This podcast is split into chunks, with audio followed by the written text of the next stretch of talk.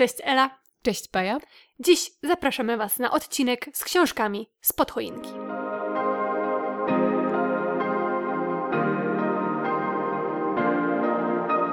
Cześć w kolejnym odcinku naszego podcastu. Cieszymy się, że z nami tutaj jesteście. Mamy nadzieję, że wszyscy i wszystkie nie utknęłyście i nie utknęliście w naszym e, ostatnim odcinku o podsumowaniu e, roku. Bardzo długim. Bardzo długim e, 2022 roku. Cieszymy się, że jesteście tutaj z nami. E, chcemy Wam przypomnieć, że partnerem odcinka podcastu jest Audioteka, dobrze opowiedziane historie, gdzie znajdziecie największy wybór audiobooków po polsku. A w tym odcinku porozmawiamy sobie o książkach z podchoinki, więc trochę wracamy do zeszłego roku, zwłaszcza że książka, o której ja chcę Wam opowiedzieć, znalazła się w moim top literatury pięknej. Wspomniałam o niej w odcinku, w którym mam nadzieję, że nie utknęliście, czyli w tym poprzednim. E, a z kolei Ela ma też taką książkę, która na tej topce z 2022 roku się nie znalazła, ale ja jestem pewna, Wy się zresztą też o tym przekonacie, że wyląduje na topce 2023 roku. Mam rację? Tak, bo ja skończyłam już ją w pierwszych dniach stycznia i od razu razu pomyślałam, że ta pierwsza książka, którą skończyłam w tym roku, to jest też pierwsza książka, którą na pewno wpiszę na podsumowanie roczne więc zobaczymy, jak e, to postanowienie przetrwa próbę czasu kolejnych 12 miesięcy, ale na razie to nie wydaje mi się, żeby coś mogło ją stamtąd usunąć, no to wypchnąć. Nieźle. No to nieźle. No to ja też tak powiem, e, że książka, którą przeczytałam jako pierwszą w tym roku, też wyląduje na mojej topce, ale o niej dzisiaj nie będę rozmawiać, ale myślę, że opowiem okay, o niej wkrótce. Z tą tajemnicą. Tak, zostawię, zostawimy Was z tą tajemnicą, ale już nie będziemy dłużej ukrywać książek, o których będziemy dzisiaj rozmawiać. Bo ja będę opowiadać o zbiorze opowiadań Sylwiny Ocampo That's Where They Faces w tłumaczeniu Daniela Balderstona. To jest książka, o której ja Wam za chwilę opowiem, zbiór. A teraz książka, o której Ela Wam za chwilę opowie, która ja, nie jest zbiorem. A ja będę opowiadać o książce pod tytułem Babel e, autorstwa R.F. Kuang. Ela by już tutaj mogła zacząć mówić i, i Wam opowiadać, co takiego niesamowitego jest w tej książce, ale pomyślałam sobie najpierw, że najpierw opowiemy Wam trochę, jak, jak wybieramy te prezenty dla siebie i skąd te książki się w ogóle tak, wzięły. Bo, e, nie wiem, czy wspominałyśmy, że te książki sprezentowałyśmy sobie nawzajem pod choinkę. Um, więc właśnie dlatego, jak to, jak to zostało pomyślane? To zostało pomyślane tak, że ja po prostu zobaczyłam tę książkę i zobaczyłam, że ona jest o tłumaczach i stwierdziłam, hmm, kupić książkę, książkę o tłumaczeniu i tłumaczach tłumaczce, jakby po prostu to się, to się rozumie samo przez się, a tak naprawdę to miałam nadzieję, że to będzie taka trochę lżejsza lektura i coś takiego trochę rozrywkowego, co by mogło Cię wciągnąć i w czym byś sobie mogła siedzieć i co by Cię y, ekscytowało i żeby były tam postacie postaci, e, które mogłabyś polubić albo które przynajmniej by Cię jakoś zaangażowały, więc chciałam Ci sprezentować taką książkę, która nie byłaby trudna. To o tym chyba mówiłyśmy sobie w tym poprzednim odcinku, że często jest tak, że te, tematyka tych książek, które sobie wybieramy, no jest czasem no, albo trudna, albo trzeba e, wiele zrozumienia, albo trzeba przysiąść tak na porządnie, żeby się daną książkę wgryźć, a ja chciałam coś tak, takiego dla Ciebie, żeby po prostu można było usiąść w tej książce i się w niej e, zgubić trochę. Więc czy, czy mi się udało? Właśnie się zastanawiam z tą lekkością tematyki, to bym się tutaj trochę no spierała, no ale udało ci się pod tym względem, że ta książka mnie zachwyciła yes. i nie będę tutaj e, w tej chwili rozpoczynać mojego długiego monologu, monologu, bo planuję później mój długi monolog na ten temat, dlaczego mnie ta książka zachwyciła, ale chciałam tutaj tylko na marginesie dodać, że um, fajne i ciekawe jest też to, że ta książka jest bardzo gruba, a to ty e, celujesz w czytaniu grubych książek z nas dwóch. Myślę, że czytasz ich więcej i chętnie po nie sięgasz. Ja się ich trochę boję, bo e, po prostu zajmują, takie, no. zajmują dużo czasu, a ja mam tyle innych cieńszych książek do przeczytania, że, że czasami e, trochę właśnie się obawiam sięgnięcia po taką lekturę i um, bardzo się cieszę, że mi kupiłaś grubą książkę, bo sama mogłabym się na to nie odważyć. Mm, no i właśnie pamiętam, że po, po świętach mi powiedziałaś, że ja kiedyś w grudniu powiedziałam, że ja nie czytam grubych książek, bo nie mam na to czasu, a ty już wtedy miałaś dla mnie ten prezent i pomyślałaś, ha, jeszcze zobaczymy. No i, no i zobaczyłyśmy. Zobaczyłyśmy, wygrałam ten zakład sama ze sobą, że przeczytasz tę grubą książkę. No więc cieszę się, że trochę trafiłam, trochę nie trafiłam, no. No a teraz ja powiem, e, skąd pomysł na Sylwinę Ocampo i jej zbiór opowiadań. Otóż e, właściwie autorką, a właściwie współautorką tego pomysłu e, jest Mariana Enriquez. E, czyli jak pewnie wiecie i pamiętacie, Baja już to wielokrotnie powtarzała, e, to jest e, chyba myślę, że jedna z Twoich ulubionych autorek, tak. można tak powiedzieć. Tak, Mariana zdecydowanie, zdecydowanie, zdecydowanie, jak najbardziej, tak, tak, tak. no więc byłyśmy w październiku na spotkaniu z Marianą Enriquez i podczas tego spotkania ona wymieniła dwie autorki, które były dla niej jakąś inspiracją, wzorem, które są ważne, które też często są e, z nią zestawiane w różnego rodzaju tekstach i publikacjach jako takie e, pokrewne dusze i pokrewne pisarki. E, I to była Samantha Schweblin e, i właśnie Silvina Ocampo. I w tym momencie ty odwróciłaś się do mnie, bo ja bardzo e, nasłuchiwałam w tym momencie, kogo ona wymieni, żeby się zainspirować ewentualnie i, i coś takiego ci sprezentować. Ty odwróciłaś się do mnie i powiedziałaś, muszę wreszcie przeczytać coś Samanthy Schweblin. Więc ja stwierdziłam, dobrze, skreślam ją. Bo istnieje duże prawdopodobieństwo, że sobie to kupisz, znajdziesz to gdzieś przypadkiem. Nie wiem, czy już wam o tym mówiłam, ale Paja ma taki naprawdę... Antytalent. Antytalent, niesamowity talent do e, trafiania na różne po moje pomysły prezentów, niespodzianek i często je gdzieś wyszpera, zanim ja zdążę je kupić albo jej dać. No więc od razu skreśliłam te, o której powiedziałaś i zanotowałam w pamięci to drugie nazwisko Sylwiny Ocampo. Które oczywiście ja od razu zapomniałam, bo się tak Świetnie. się tak skupiłam na Samancie Szweblin, że zapomniałam e, i jakoś tak próbowałam sobie przypomnieć, ale i tak sobie nie przypomniałam, ale mam ciebie. Na szczęście. No dobrze, no więc taka była historia tych e, prezentów. Myślę, że możemy teraz przejść do tego, co wynikło z nich podczas lektury, jak e, te książki się czytało, co w nich znalazłyśmy. Mm, tak, ja bardzo chętnie Wam opowiem o e, Sylwinie Ocampo. To jest, e, to co do, od Ciebie dostałam, to jest e, zbiór e, jej opowiadań. Tutaj w tym wydaniu, które ja mam, mamy przegląd e, jej 50 lat jej twórczości, więc tutaj naprawdę rozrzut mm, tematyczny może nie, do tego sobie później przejdę do tematyki i jakichś takich motywów, które się u niej często pojawiają, ale e, rozrzut taki e, naprawdę na lata. Widać tutaj rozwijający się warsztat. To było bardzo ciekawe zaobserwować, jak mm, właśnie nie tyle pomysły i nie tyle jakieś mm, kierunki inspiracji się zmieniały, co właśnie to słowo było coraz lepiej cyzelowane i coraz e, bardziej niepokojąco się robiło właśnie dzięki tym słowom, które coraz lepiej Sylwina Ocampo potrafiła dobierać. Mm, w tym zbiorze wspaniałe jest to, że wstęp do niego napisała Helen Ojejemi. Tutaj teraz w głowie ułożyłam sobie całą dygresję, opowiedziałabym wam o Helen Ojejemi, ale o Helen Ojejemi nie będziemy dzisiaj mówić, więc zostaniemy przy Sylwinie Ocampo. E, opowiem Wam teraz trochę o samej autorce. Sylwina Ocampo jest argentyńską pisarką, autorką głównie opowiadań e, oraz artystką. Myślę, do tego też e, przejdę i krótko Wam o tym opowiem. Urodziła się w 1903 roku, a zmarła w 1993.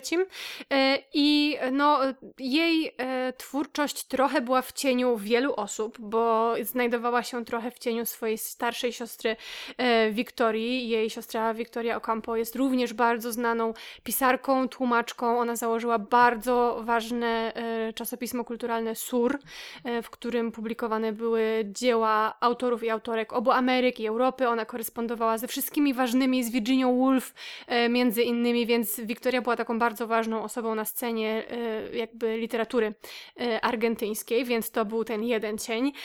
Drugi cień to był jej mąż, Adolfo Boy Cesares, e, a trzeci cień, dużo tych cieni, w sumie to też jest taka, też jest taka tematyka, która się w tych opowiadaniach pojawia, zaraz sobie do tego przejdziemy. Trzeci cień, cień to Jorge Luis Borges, który był jej serdecznym przyjacielem, więc y, ten cień nie był takim cieniem rywalizacji, tylko po prostu takim cieniem, który po prostu położył się y, na niej przez jakieś takie preferencje czytelników. Jednak y, Borges był zdecydowanie bardziej popularnym, bardziej poczytnym pisarzem, więc ona gdzieś tam sobie trochę w tym ukryciu działała i tworzyła. Często nie była doceniana.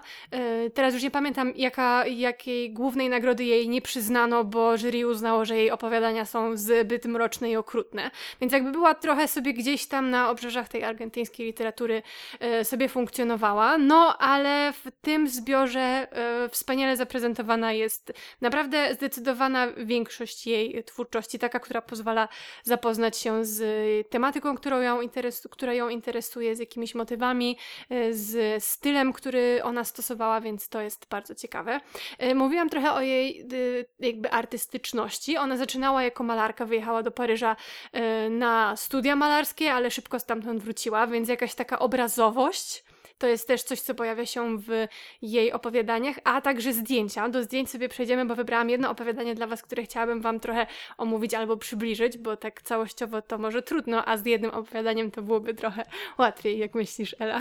Tak myślę, jestem bardzo ciekawa, co to za opowiadanie wybrałaś I co tam będzie. I co tam będzie. Myślę, że wszyscy już trochę się domyślamy po tych związkach z Marianą Enriquez, po tych słowach, których użyłaś, mroczne e, i straszne. I niepokojące. Jest niepokojące, tak. jaka jest y, ogólna atmosfera tych opowiadań, ale jestem bardzo ciekawa, co nam powiesz tak szczegółowo bardziej. Już zaraz przechodzę do szczegółów, e, ale chciałam wam powiedzieć e, o Sylwinie Ocampo po polsku, bo ja czytałam, e, nie, nie znam hiszpańskiego, czytałam te opowiadania po angielsku, w tłumaczeniu na angielski, e, a twórczość Sylwiny Ocampo również jest dostępna w nie tak e, obszernie, ale jednak po polsku również.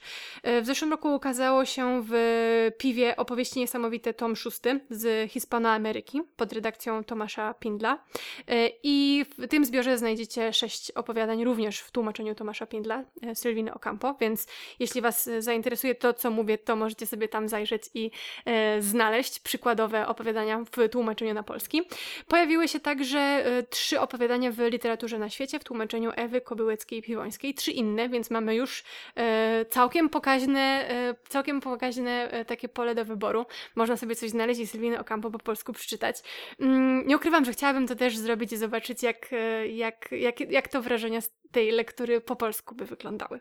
Więc to tyle, jeśli chodzi o to, co z tą Sylwiną Ocampo po polsku. Na pewno wrzucę Wam te informacje w opisie odcinka. W ogóle bardzo Wam polecam tam zaglądać, bo tam my się tak staramy zawsze, żeby wszystko Wam ładnie wypisać i wszystkie odnośniki wrzucić i w ogóle ten opis jest dla Was, więc jeśli tylko czegoś szukacie, to na pewno w opisie znajdziecie. No dobra, no to teraz ja powiem Wam, co takiego jest w tych opowiadaniach. W ogóle jestem osobą, która, uwaga, uwaga, lubi opowiadania. To się dramatycznie zmieniło e, od początku istnienia naszego podcastu, kiedy to tak, tak. trudno było. Nie, co ty o tym powiesz, Ela? W sumie e, włącz się teraz ze mną na chwilę do dyskusji i porozmawiamy o tym, co się takiego wydarzyło, że te opowiadania się pojawiły. To jest bardzo dobre pytanie. Chyba nasz drugi odcinek, o ile dobrze pamiętam, albo jeden z pierwszych w każdym razie był poświęcony opowiadaniom i o ile dobrze pamiętam, to ja w nim mówię, że nie jestem fanką opowiadań. Ja też tak mówię, ale nie będę go odsłuchiwać. Jakby jestem ciągle pod wrażeniem, że osoby y, są tu z nami od początku, y, biorąc pod uwagę jak strasznie amatorskie, znaczy my dalej jesteśmy amator, y, amatorkami, twórczyniami, ale jak strasznie takie piwniczne te pierwsze nagrania były, więc naprawdę dziękujemy wszystkim osobom, które słuchają nas od samego początku i tak, wydaje mi się, że gdybym odsłuchała, a czego nie zrobię, to bym się, to bym się pewnie przekonała, że pajac przed trzech lat za bardzo opowiadań nie lubi. Tak, właśnie myślę, że przez te ostatnie trzy lata trafiły nam się takie naprawdę ciekawe, intrygujące zbiory opowiadań, trochę też takie mniej oczywiste może. E, I to sprawiło, że te opowiadania jednak gdzieś zagościły wśród naszych ulubionych gatunków, i to chyba jest dowód, że warto też sięgać po rzeczy, po które zazwyczaj się nie sięga, albo które e, wydaje nam się, gatunki, które wydaje nam się, że nie są dla nas, a okazuje się, że mogą być. To jest taki trochę wstęp do, mojego, mojej późniejszej wypowiedzi. No ale dobra, już dygresja za dygresją, a teraz może wreszcie oddam Ci głos na poważnie, żebyś nam przeszła nie, do meritum. Ja już, ja już mam ten głos na poważnie od... E, no od jakichś 10 minut, więc e, jest, już coś zdążyłam przecież opowiedzieć. Trzeba było zarysować postać e, Sylwiny Ocampo, no ale teraz zarysuję wam jej twórczość. Rzeczywiście to zestawienie e, Mariany Enriquez e, i Samanty Szweblin, dużo nam już zestawienie e, Sylwiny Ocampo z Marianą Enriquez i Samantą Szweblin wiele może już powiedzieć osobom, które znają twórczość tych dwóch pozostałych pisarek, e, czyli w takim dużym uproszczeniu coś z pogranicza horroru, e, jakiejś e, trochę powieści psychologicznej, czegoś na pograniczu jakiejś e, tajemnicy i czegoś nienazwanego. I bardzo dużo takich elementów w tych opowiadaniach jest. E, ale z takich najważniejszych, które ja sobie wynotowałam, to e, na przykład motyw dziecka, który pojawia się w tych opowiadaniach. W ogóle dzieci są bardzo ważne w tej twórczości Sylwiny Ocampo, bo w jej życiu nie, ona nie miała dzieci, ale w jej opowiadaniach ten motyw dziecka bardzo często się pojawia. I to nie jest dziecko niewinne, i to nie jest dziecko, które łatwo ulega korupcji, w zetknięciu z okrutnym światem. To nie jest dziecko, które jest jakimś symbolem nadziei. Nie. Dziecko jest małym potworem e, w tych opowiadaniach, ale takim małym potworem, takim e, metaforycznym. Ta e, potworność albo straszność dzieci nie jest oczywista od samego początku. To jest też taki element, który niesamowicie mi się w tych opowiadaniach podoba, bo Sylwina Ocampo tworzy świat taki dosyć, powiedziałabym, przyjazny i w którym raczej nie spodziewamy się niczego niesamowitego. Ona jednak trzymała się, w, jeśli chodzi o miejsce akcji, i w kreowaniu bohaterów trzymała się bardzo mocno swojej e, klasy. Ona urodziła się w bardzo bogatej w bardzo dobrej rodzinie, więc te e, bohaterki i bohaterowie, te miejsca akcji to są raczej e, porządne domy, cudzysłów, porządni ludzie, znowu cudzysłów, więc e, te, te, te, te, dzieci również z takich rodzin e, pochodzą i ta ich potworność polega na tym, że nagle wydaje nam się, że wszystko jest w porządku, a potem nagle następuje jakieś załamanie kompozycyjne. Okazuje się, że w coś, w co wierzyliśmy, w coś, w co autorka chce, żebyśmy wierzyli, okazuje się tak naprawdę złudzeniem.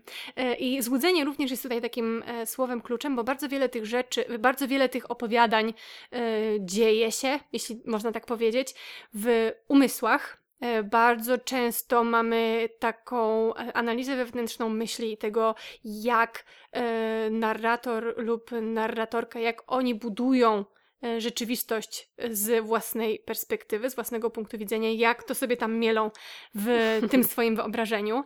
Bardzo wiele dzieje, rzeczy dzieje się też w snach to też jest bardzo ważny element i bardzo wiele rzeczy dzieje się też w jakichś takich trochę marzeniach, koszmarach, wyobrażeniach, więc ten świat jest nie do końca rzeczywisty, e, o czym nie do końca się e, możemy przekonać od samego początku. To jest takie znowu ten element zaskoczenia, który się e, pojawia.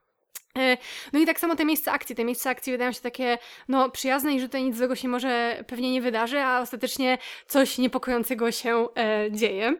Mm, no i e, z tymi e, dziećmi, żeby tak jeszcze wrócić do tego pierwszego motywu, o którym Wam e, opowiedziałam, to łączy się też inny element, który pojawia się w tych opowiadaniach, a mianowicie element lalki y, i element kobiety, która nie chce dorosnąć. To były takie bardzo nie chce, albo nie może, albo nie wyobraża sobie świata jako dorosła kobieta. To też jest taki element, który się tutaj pojawia, który bardzo mnie zainteresował jako motyw, pojawiający się w różnych, w różnych odsłonach, w różnych y, wersjach w tych opowiadaniach.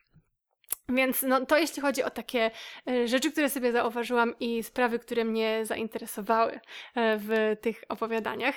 I jeszcze, jeśli mogę, Ela się tak uśmiecha, ale jeszcze Wam opowiem, bo to się łączy z tym e, opowiadaniem, które chciałam Wam przedstawić. Bardzo ważną rzeczą, którą w tych opowiadaniach odgrywają dużą rolę, są lustra. Ja tutaj nie będę wchodzić w analizę luster i psychoanalizę, bo to sobie można fajnie rozebrać, jeśli ktoś w tym siedzi, to jak najbardziej można sobie to tak trochę psychoanalitycznie też odczytywać, ale ja tego nie będę teraz robić. I fotografie. I ja się bardzo cieszę i zawsze to bardzo lubię, jak fotografia pojawia się jako motyw w e, czymś, co czytamy, mhm. albo, prawda? Bardzo to lubię, ty też to tak. lubisz. E, więc jak pojawia się motyw e, fotografii, to zawsze moja, moja czytelnicza uwaga się wyostrza. I lubię sobie patrzeć na to, co ta fotografia w tym opowiadaniu robi i co nam to e, opowiada i jak możemy sobie to interpretować. I tutaj jest jedno takie opowiadanie. Czy to jest to, o którym nam opowiesz? Tak.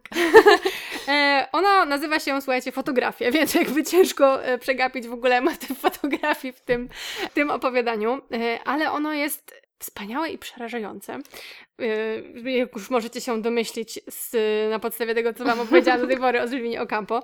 Mamy tutaj spotkanie rodzinne. Główną y, jakby y, osobą, z powodu której to spotkanie rodzinne się odbywa jest Adriana. Adriana niedawno wyszła ze szpitala, była sparaliżowana, długo w tym szpitalu była i to spotkanie rodzinne jest właśnie na cześć tego, że ona z tego szpitala wyszła. I w związku z tym, żeby uś uświetnić tę okazję i żeby to udokumentować, zaproszony został e, fotograf. E, I wspaniale się śledzi to, jak postać, która miała znajdować się w centrum e, wszystkich tych wydarzeń zostaje zepchnięta całkowicie na margines. E, jak osoba, której miało być poświęcone całe to, całe te przyjęcie, wykorzystywana jest jako dekoracja. Czasami właśnie nawet przypomina taką lalkę. Oni ją przenoszą z miejsca na miejsce, e, sadzają wedle własnego uznania, wymyślają coraz to nowe konfiguracje, z kim ona jeszcze zdjęcia nie miała, a z kim musi mieć zdjęcie i kto jeszcze przy niej nie stanął i z czym jej nie zestawiliśmy, więc to jest też bardzo takie, mm, bardzo taki w sumie ciekawy motyw mhm. takiej e, dobroci na pokaz. Bardzo mnie to też wzruszyło i w sumie można by sobie też tu trochę tak odczytać, ja sobie to tak odczytywałam, tak social mediowo trochę, mm -hmm, bo to jest mm -hmm. bardzo social mediowe opowiadanie moim zdaniem. Robienie czegoś na e, pokaz i udowadnianie e, swojej wspaniałości i obecności. Tutaj jest nawet A taki... to my z naszą chorą krewną. No dokładnie, no dokładnie i naprawdę to jest tak aktualne w kontekście jakiejś takiej obecności, udokumentowania czegoś i e, zaznaczenia swojej obecności w jakiejś ważnej sytuacji, że po prostu no aż ciary mi przeszły.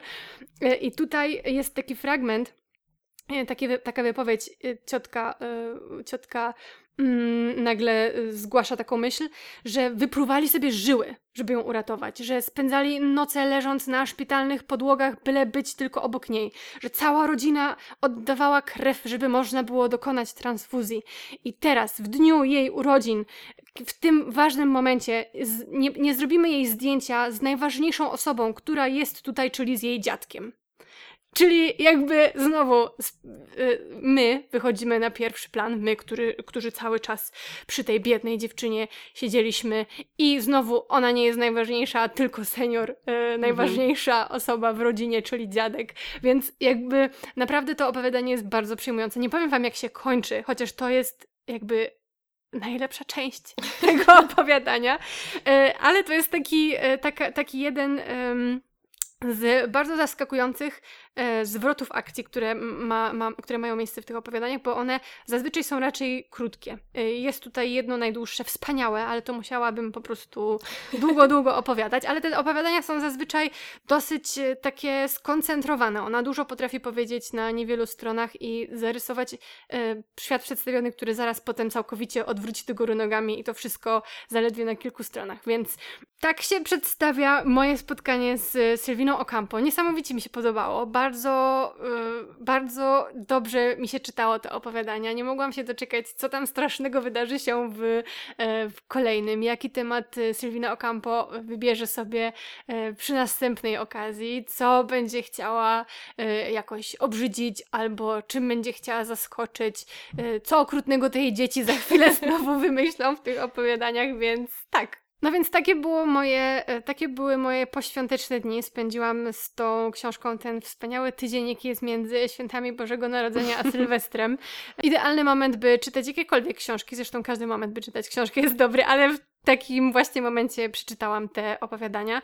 E, I już tak na samym końcu tylko powiem, że mm, czytałam sobie różne recenzje. Zazwyczaj są one bardzo pozytywne, ale w odniesieniu do tego zbioru opowiadań, jeśli ktoś lub ktoś chciałaby po nie sięgnąć właśnie w tym tłumaczeniu na angielski, e, to tam były osoby, które e, dzieliły się na dwie grupy, e, albo takie, które przeczytały to za jednym posiedzeniem i po prostu się zachwyciły, albo takie, które również przeczytały je za jednym posiedzeniem i stwierdziły, że to jest wszystko do siebie zbyt podobne i trzeba to czytać wolniej.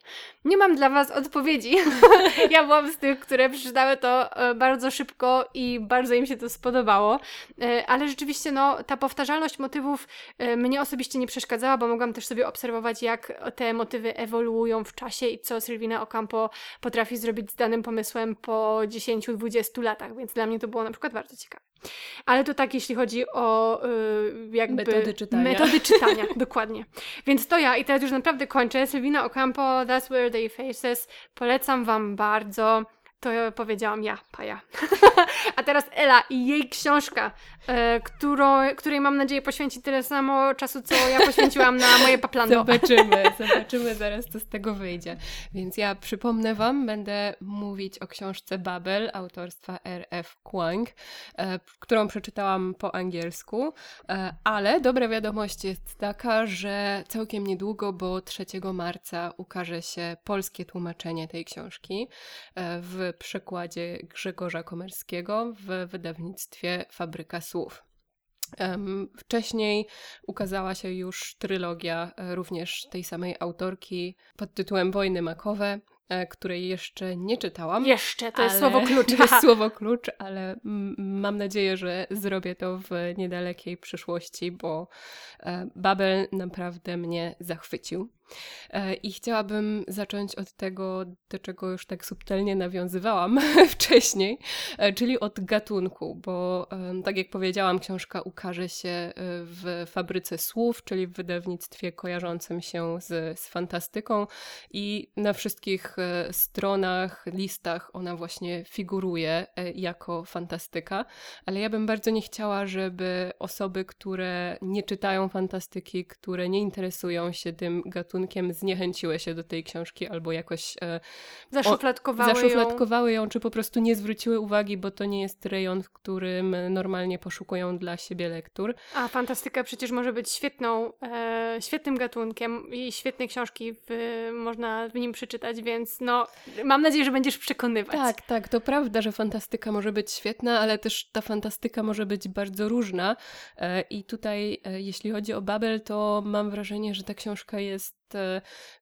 dużo, dużo bardziej rzeczywista niż fantastyczna. Mm, zaraz jak wam opowiem fabułę, to Myślę, myślę trochę że... teraz, wiesz o czym myślę? O czym? No o Jonathanie, Jonathanie Strange'u. Wiedziałam, tak, że to, to jest moja ulubiona fantastyczna powieść historyczna. Czy to jest też coś takiego? Tak, myślę, że można by to porównać do Jonathana Strange'a, aczkolwiek w Babelu myślę, że jest jeszcze mniej fantastyki niż, e, niż w Jonathanie Strange'u.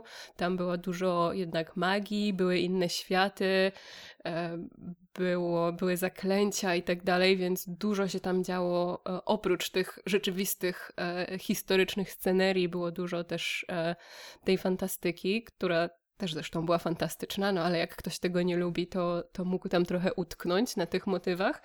Mm, natomiast jeśli chodzi o Babel, to mamy właściwie tylko jeden motyw fantastyczny. E, całość akcji dzieje się w XIX wieku, e, trochę zaczyna się trochę przed e, wstąpieniem królowej Wiktorii na tron, później mamy już te czasy wiktoriańskie. I jedynym motywem takim właśnie trochę nie z tego świata jest to, że ludzie, głównie Brytyjczycy, opracowali specjalną metodę um, przygotowywania srebra, nie wiem jak to będzie brzmiało w, w tłumaczeniu, e, która polega na tym, że um, należy użyć różnych języków, nie będę tutaj wchodzić w szczegóły, różnych znaków czy, czy słów e, i dzięki temu można uzyskać e, różnego rodzaju efekty, takie powiedzmy zbliżone do, e, do magicznych, chociaż równie dobrze można by to nazwać jakąś technologią, bo to są e, urządzenia, które z jednej strony mogą kogoś wyleczyć, ale mogą też sprawić, że powóz będzie szybciej jechał, e, że budynek będzie pewniej stał i tak dalej, i tak dalej. I e, to jest właściwie ta e, fantastyczna oś fabuły. Mamy wieżę Babel, która stoi e, pośrodku Oksfordu i w niej pracują właśnie różnego rodzaju tłumacze, którzy działają dla Imperium Brytyjskiego.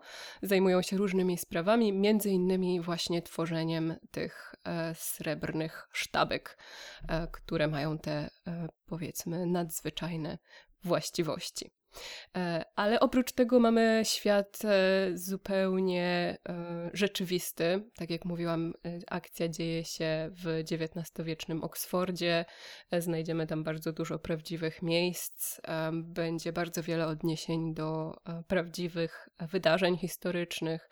Sytuacja geopolityczna ma ogromne znaczenie i też jest całości zaczerpnięta z, ze źródeł historycznych, więc tutaj ta powieść e, myślę, że w dużo większym stopniu osobiście zaklasyfikowałabym ją jako taką historyczną niż właśnie fantastykę, więc e, tutaj e, jeśli nie przepadacie za fantastyką, to jak najbardziej mimo wszystko można po Babel sięgnąć. No i już opowiadam trochę więcej dlaczego. Tak jak mówiłam, to jest gruba książka, więc wiele tutaj Widać, hmm. wiele rzeczy trzeba było opisać. Tak. wiele, tak. wiele spraw trzeba było zaznaczyć. I no, skoro mówisz o tym szerokim kontekście historii, sytuacji geopolitycznej, yy, momencie w historii, no to tam mhm. się bardzo dużo rzeczy działo, więc myślę, że te strony to są uzasadnione. Potrzebne. Tak. Potrzebne. E, głównym bohaterem, z którego e, punktu widzenia poznajemy tę historię, jest Robin. Robin urodził się w Chinach i został jako dziecko sprowadzony do e, Anglii przez swojego opiekuna, e, profesora pracującego właśnie e, na uniwersytecie w Oksfordzie. I Robin od dziecka był uczony angielskiego właśnie po to, żeby mógł kształcić się w wieży Babel i zostać tłumaczem działającym w służbie Imperium Brytyjskiego. I kiedy tam przybywa, poznaje innych studentów i studentki e, ze swojego rocznika i zaprzyjaźnia się z nimi, więc jest ich czworo, czworo głównych bohaterów. E, mamy Ramiego, który jest muzułmaninem pochodzącym z Indii. Mamy Victoire, która pochodzi z Haiti, chociaż większość życia spędziła we Francji. E, I mamy Letty, która jest białą Angielką. Więc oni tworzą um, taką dosyć nietypową grupę w, w tamtym czasie, w, ówczesnym Oksfordzie. E, bardzo niewielu poza e, tą książkową wieżą Babel bardzo niewielu było cudzoziemców, czy bardzo niewiele osób o kolorze skóry innym niż biały, więc e, oni wyróżniają się oczywiście i, i z tego powodu doświadczają wszelkiego rodzaju upokorzeń, przejawów rasizmu e, itd. Tak z drugiej strony też bardzo e, subtelnie i wielowarstwowo zarysowane jest to, jak różne są te problemy, z którymi oni się mierzą, bo e, mamy Victoire i Letty, które jako kobiety, jako jedne z nielicznych kobiet studiujących wtedy uczelni wyższej, też doświadczają e, dyskryminacji, ale e, w przypadku Victoire, która dodatkowo jest e, czarna, która dodatkowo jest postrzegana jako cudzoziemka, te, te przejawy dyskryminacji są zupełnie inne, więc spiętrzają, spiętrzają się. się. tak, czyli mamy tutaj tą intersekcjonalność. Oczywiście to słowo tutaj nie pada, bo, bo byłoby anachronizmem, ale, ale o to mniej więcej chodzi. No i pierwsza część tej powieści, albo nawet więcej niż, e, niż pierwsza połowa, e, jest bardzo powolna. E, więc jeśli szukacie książki z bardzo szybką akcją, to to nie jest to. Um, tutaj mamy bardzo dużo czasu poświęconego na zbudowanie tych postaci, na zbudowanie tego świata, na pokazanie problemów, głównie właśnie związanych z kolonializmem, ale też takich bardziej e, osobistych zmagań e, Robina i, i jego przyjaciół, którzy bardzo e, mają problem z znalezieniem swojego miejsca i ze znalezieniem swojej tożsamości. Mają też takie moralne dylematy, czyli właściwie komu powinni być lojalni, czy to, że ktoś e, postanowił coś im dać w taki sposób, że są teraz e, poniekąd uprzywilejowani, to, to czy to oznacza, że oni są coś komuś winni, e, że to ich zobowiązuje do takiego, a nie innego zachowania. Więc tutaj mamy bardzo dużo takich problemów, a oczywiście na tle właśnie e, tym historycznym, o, na tle m, mm, takich rozważań o kolonializmie, o tym, co Imperium Brytyjskie robi w różnych częściach świata, w jaki sposób działa, e, w jaki pokrętny sposób e, się z tego tłumaczy, jak to jest takim trochę samonapędzającym się mechanizmem pod wieloma względami. No a oprócz tego dużo czasu też jest poświęcone językowi i tłumaczeniu. Tak jak powiedziałaś, to jest pewnym sensie książka właśnie o tłumaczeniu i o języku, e, więc to dla mnie było bardzo fascynujące. Jestem też e, niezwykle ciekawa, jak to będzie oddane w, w polskim przekładzie, bo są tutaj, myślę, takie pułapki, z których Zapewne da się jakoś wybrnąć jestem ciekawa jak. jak. E, ale właśnie to, to też jest taki temat, który tutaj bardzo e, tak szczegółowo jest też omówiony. To jest taki akademicki klimat, trochę właśnie, trochę jak te wszystkie um, powieści rozgrywające się na uniwersytecie, gdzie, gdzie um, ci młodzi ludzie wsiąkają w ten e, uniwersytecki świat. Uuu, trochę Dark Academia. Trochę Dark Academia, tak, właśnie to e, odcięcie od prawdziwego świata, bo znajdujemy się tylko w, w świecie książek i badań, i dociekań, i tego pogrążania się właśnie w, w jakichś tam starodawnych tekstach i grzebania wśród tych um, słowników i encyklopedii, więc trochę takie oderwanie od świata, a jednocześnie ten wielki świat, tak jak mówiłam, cały czas który gdzieś ciąży, tam za rogiem, tak, tak, tak. czeka za rogiem. E, tak, no ale właśnie ten, ten e, element tłumaczeniowy też tutaj jest czymś niezwykle cennym i, e, i ciekawym, zwłaszcza, że e, tutaj dużo też było na przykład o, o językach chińskich e, które dla mnie są zupełnie nowe i, i nieznane. Także to też było ciekawe do, do przeanalizowania razem Pewnie trochę z autorką. język jako zasób też trochę, tak? Tak, jak najbardziej. Tak, właśnie zasób, który można wykorzystać, można wykorzystać czy można ukraść. Pada tutaj takie e, pytanie, przecież język jest dobrem wspólnym, przecież nie można ukraść języka i e, są osoby, które tak twierdzą, są osoby, które się z tym nie zgadzają i też właśnie tego rodzaju dyskusje tutaj e, są toczone. Też w napięciu kolonialnym, Napięciu prawda? kolonialnym, tak. A oprócz tego w takim, na takiej płaszczyźnie też trochę filozoficznej, filozoficznej, trochę naukowej, właśnie co z, tym, co z tymi tłumaczeniami, e, czym one są, co one nam dają, co z nami robią, więc e, tak, tłumaczenia to kolejny taki, taki temat, który tutaj bardzo, bardzo mi się podobał. no i później mamy tę drugą część, mniejszą, gdzie krótszą, krótszą ale za to napakowaną um, akcją, można tak powiedzieć, i, i zupełnie inną dynamiką, więc um, myślę, że to kolejna rzecz, która e, Kwang bardzo się udała. E, takie bo moim zdaniem to jest bardzo życiowe pokazanie tego, że e, rzeczy czasami zmieniają się bardzo szybko. Sytuacja mm, przez wiele lat wydaje się całkowicie stabilna, niezmienna, a potem nagle dzieje się jedna mała rzecz, która pociąga za sobą kolejną rzecz, gdzie, gdzie trzeba podejmować e, bardzo szybkie i bardzo radykalne decyzje, e, i zmiany mogą toczyć się w lawinowym tempie. I, I, myślę, że bardzo, bardzo zręcznie tutaj zostało to oddane i została oddana atmosfera tych dwóch stanów, e, czyli tego trochę zawieszenia, tak jak mówiłam, w tej takiej leniwej, spokojnej, odciętej od świata oksfordzkiej e, atmosferze, która tak zdaje się wpływać na bohaterów w taki sposób, że oni e, też są tacy, czyli spokojni, tacy nieśpieszni. Wydaje się, że, że nic. Mają całe życie na te swoje całe, filozoficzne tak, tak, rozważania. Tak, tak, tak, dokładnie.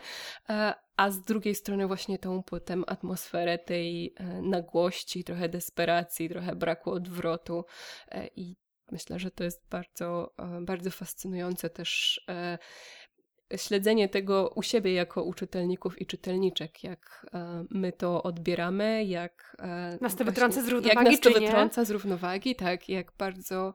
Byliśmy przyzwyczajeni do jakiegoś mm -hmm. tempa tej powieści, tak. już się pogodziliśmy z tym, że tak to wygląda, a potem nagle okazuje się, że pędzimy do przodu, coś się dzieje, tak? Tak jest. Nie no, to ja tak tylko wtrącę, że coś mi się wydaje, że to może być moja gruba książka na wakacje, nie wiem.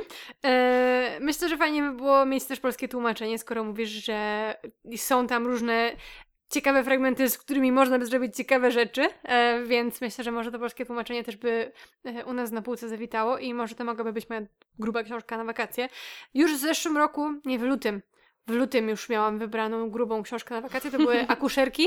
No a teraz jest styczeń, nic nie przeszkadza temu, żeby wybrać grubą książkę na wakacje. Ja Cię zachęcam do tego, żebyś e, przeczytała tę książkę. Po pierwsze, dlatego, że wszystkich Was bardzo serdecznie do tego zachęcam. Olewamy wszystkie te ostrzeżenia, że fantastyka nie, opowieści historyczne nie, gruba nie, wszystko jedno, muszą wszyscy przeczytać.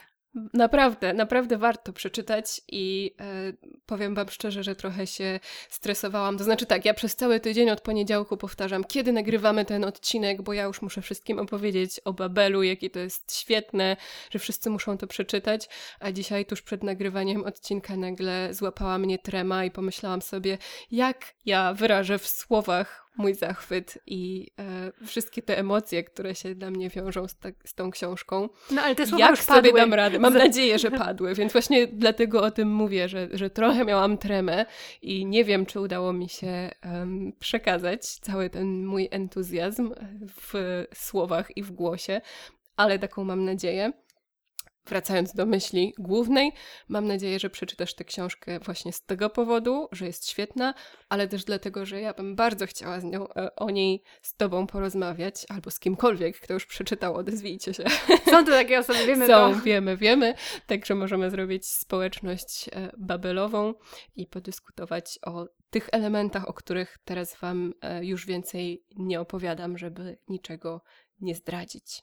Bardzo Ci dziękuję za tak wspaniałe zarysowanie tej e, wielości, która się tutaj pojawiała, bo ja o niej już wiem z Twoich opowieści, e, podczas, które, które jakby relacjonowałaś mi podczas lektury, gdy siedziałyśmy sobie przy choince, więc cieszę się, że to wszystko tutaj wybrzmiało. Zapowiada się naprawdę super. Jestem z siebie bardzo dumna, że dałam Ci taki świetny prezent.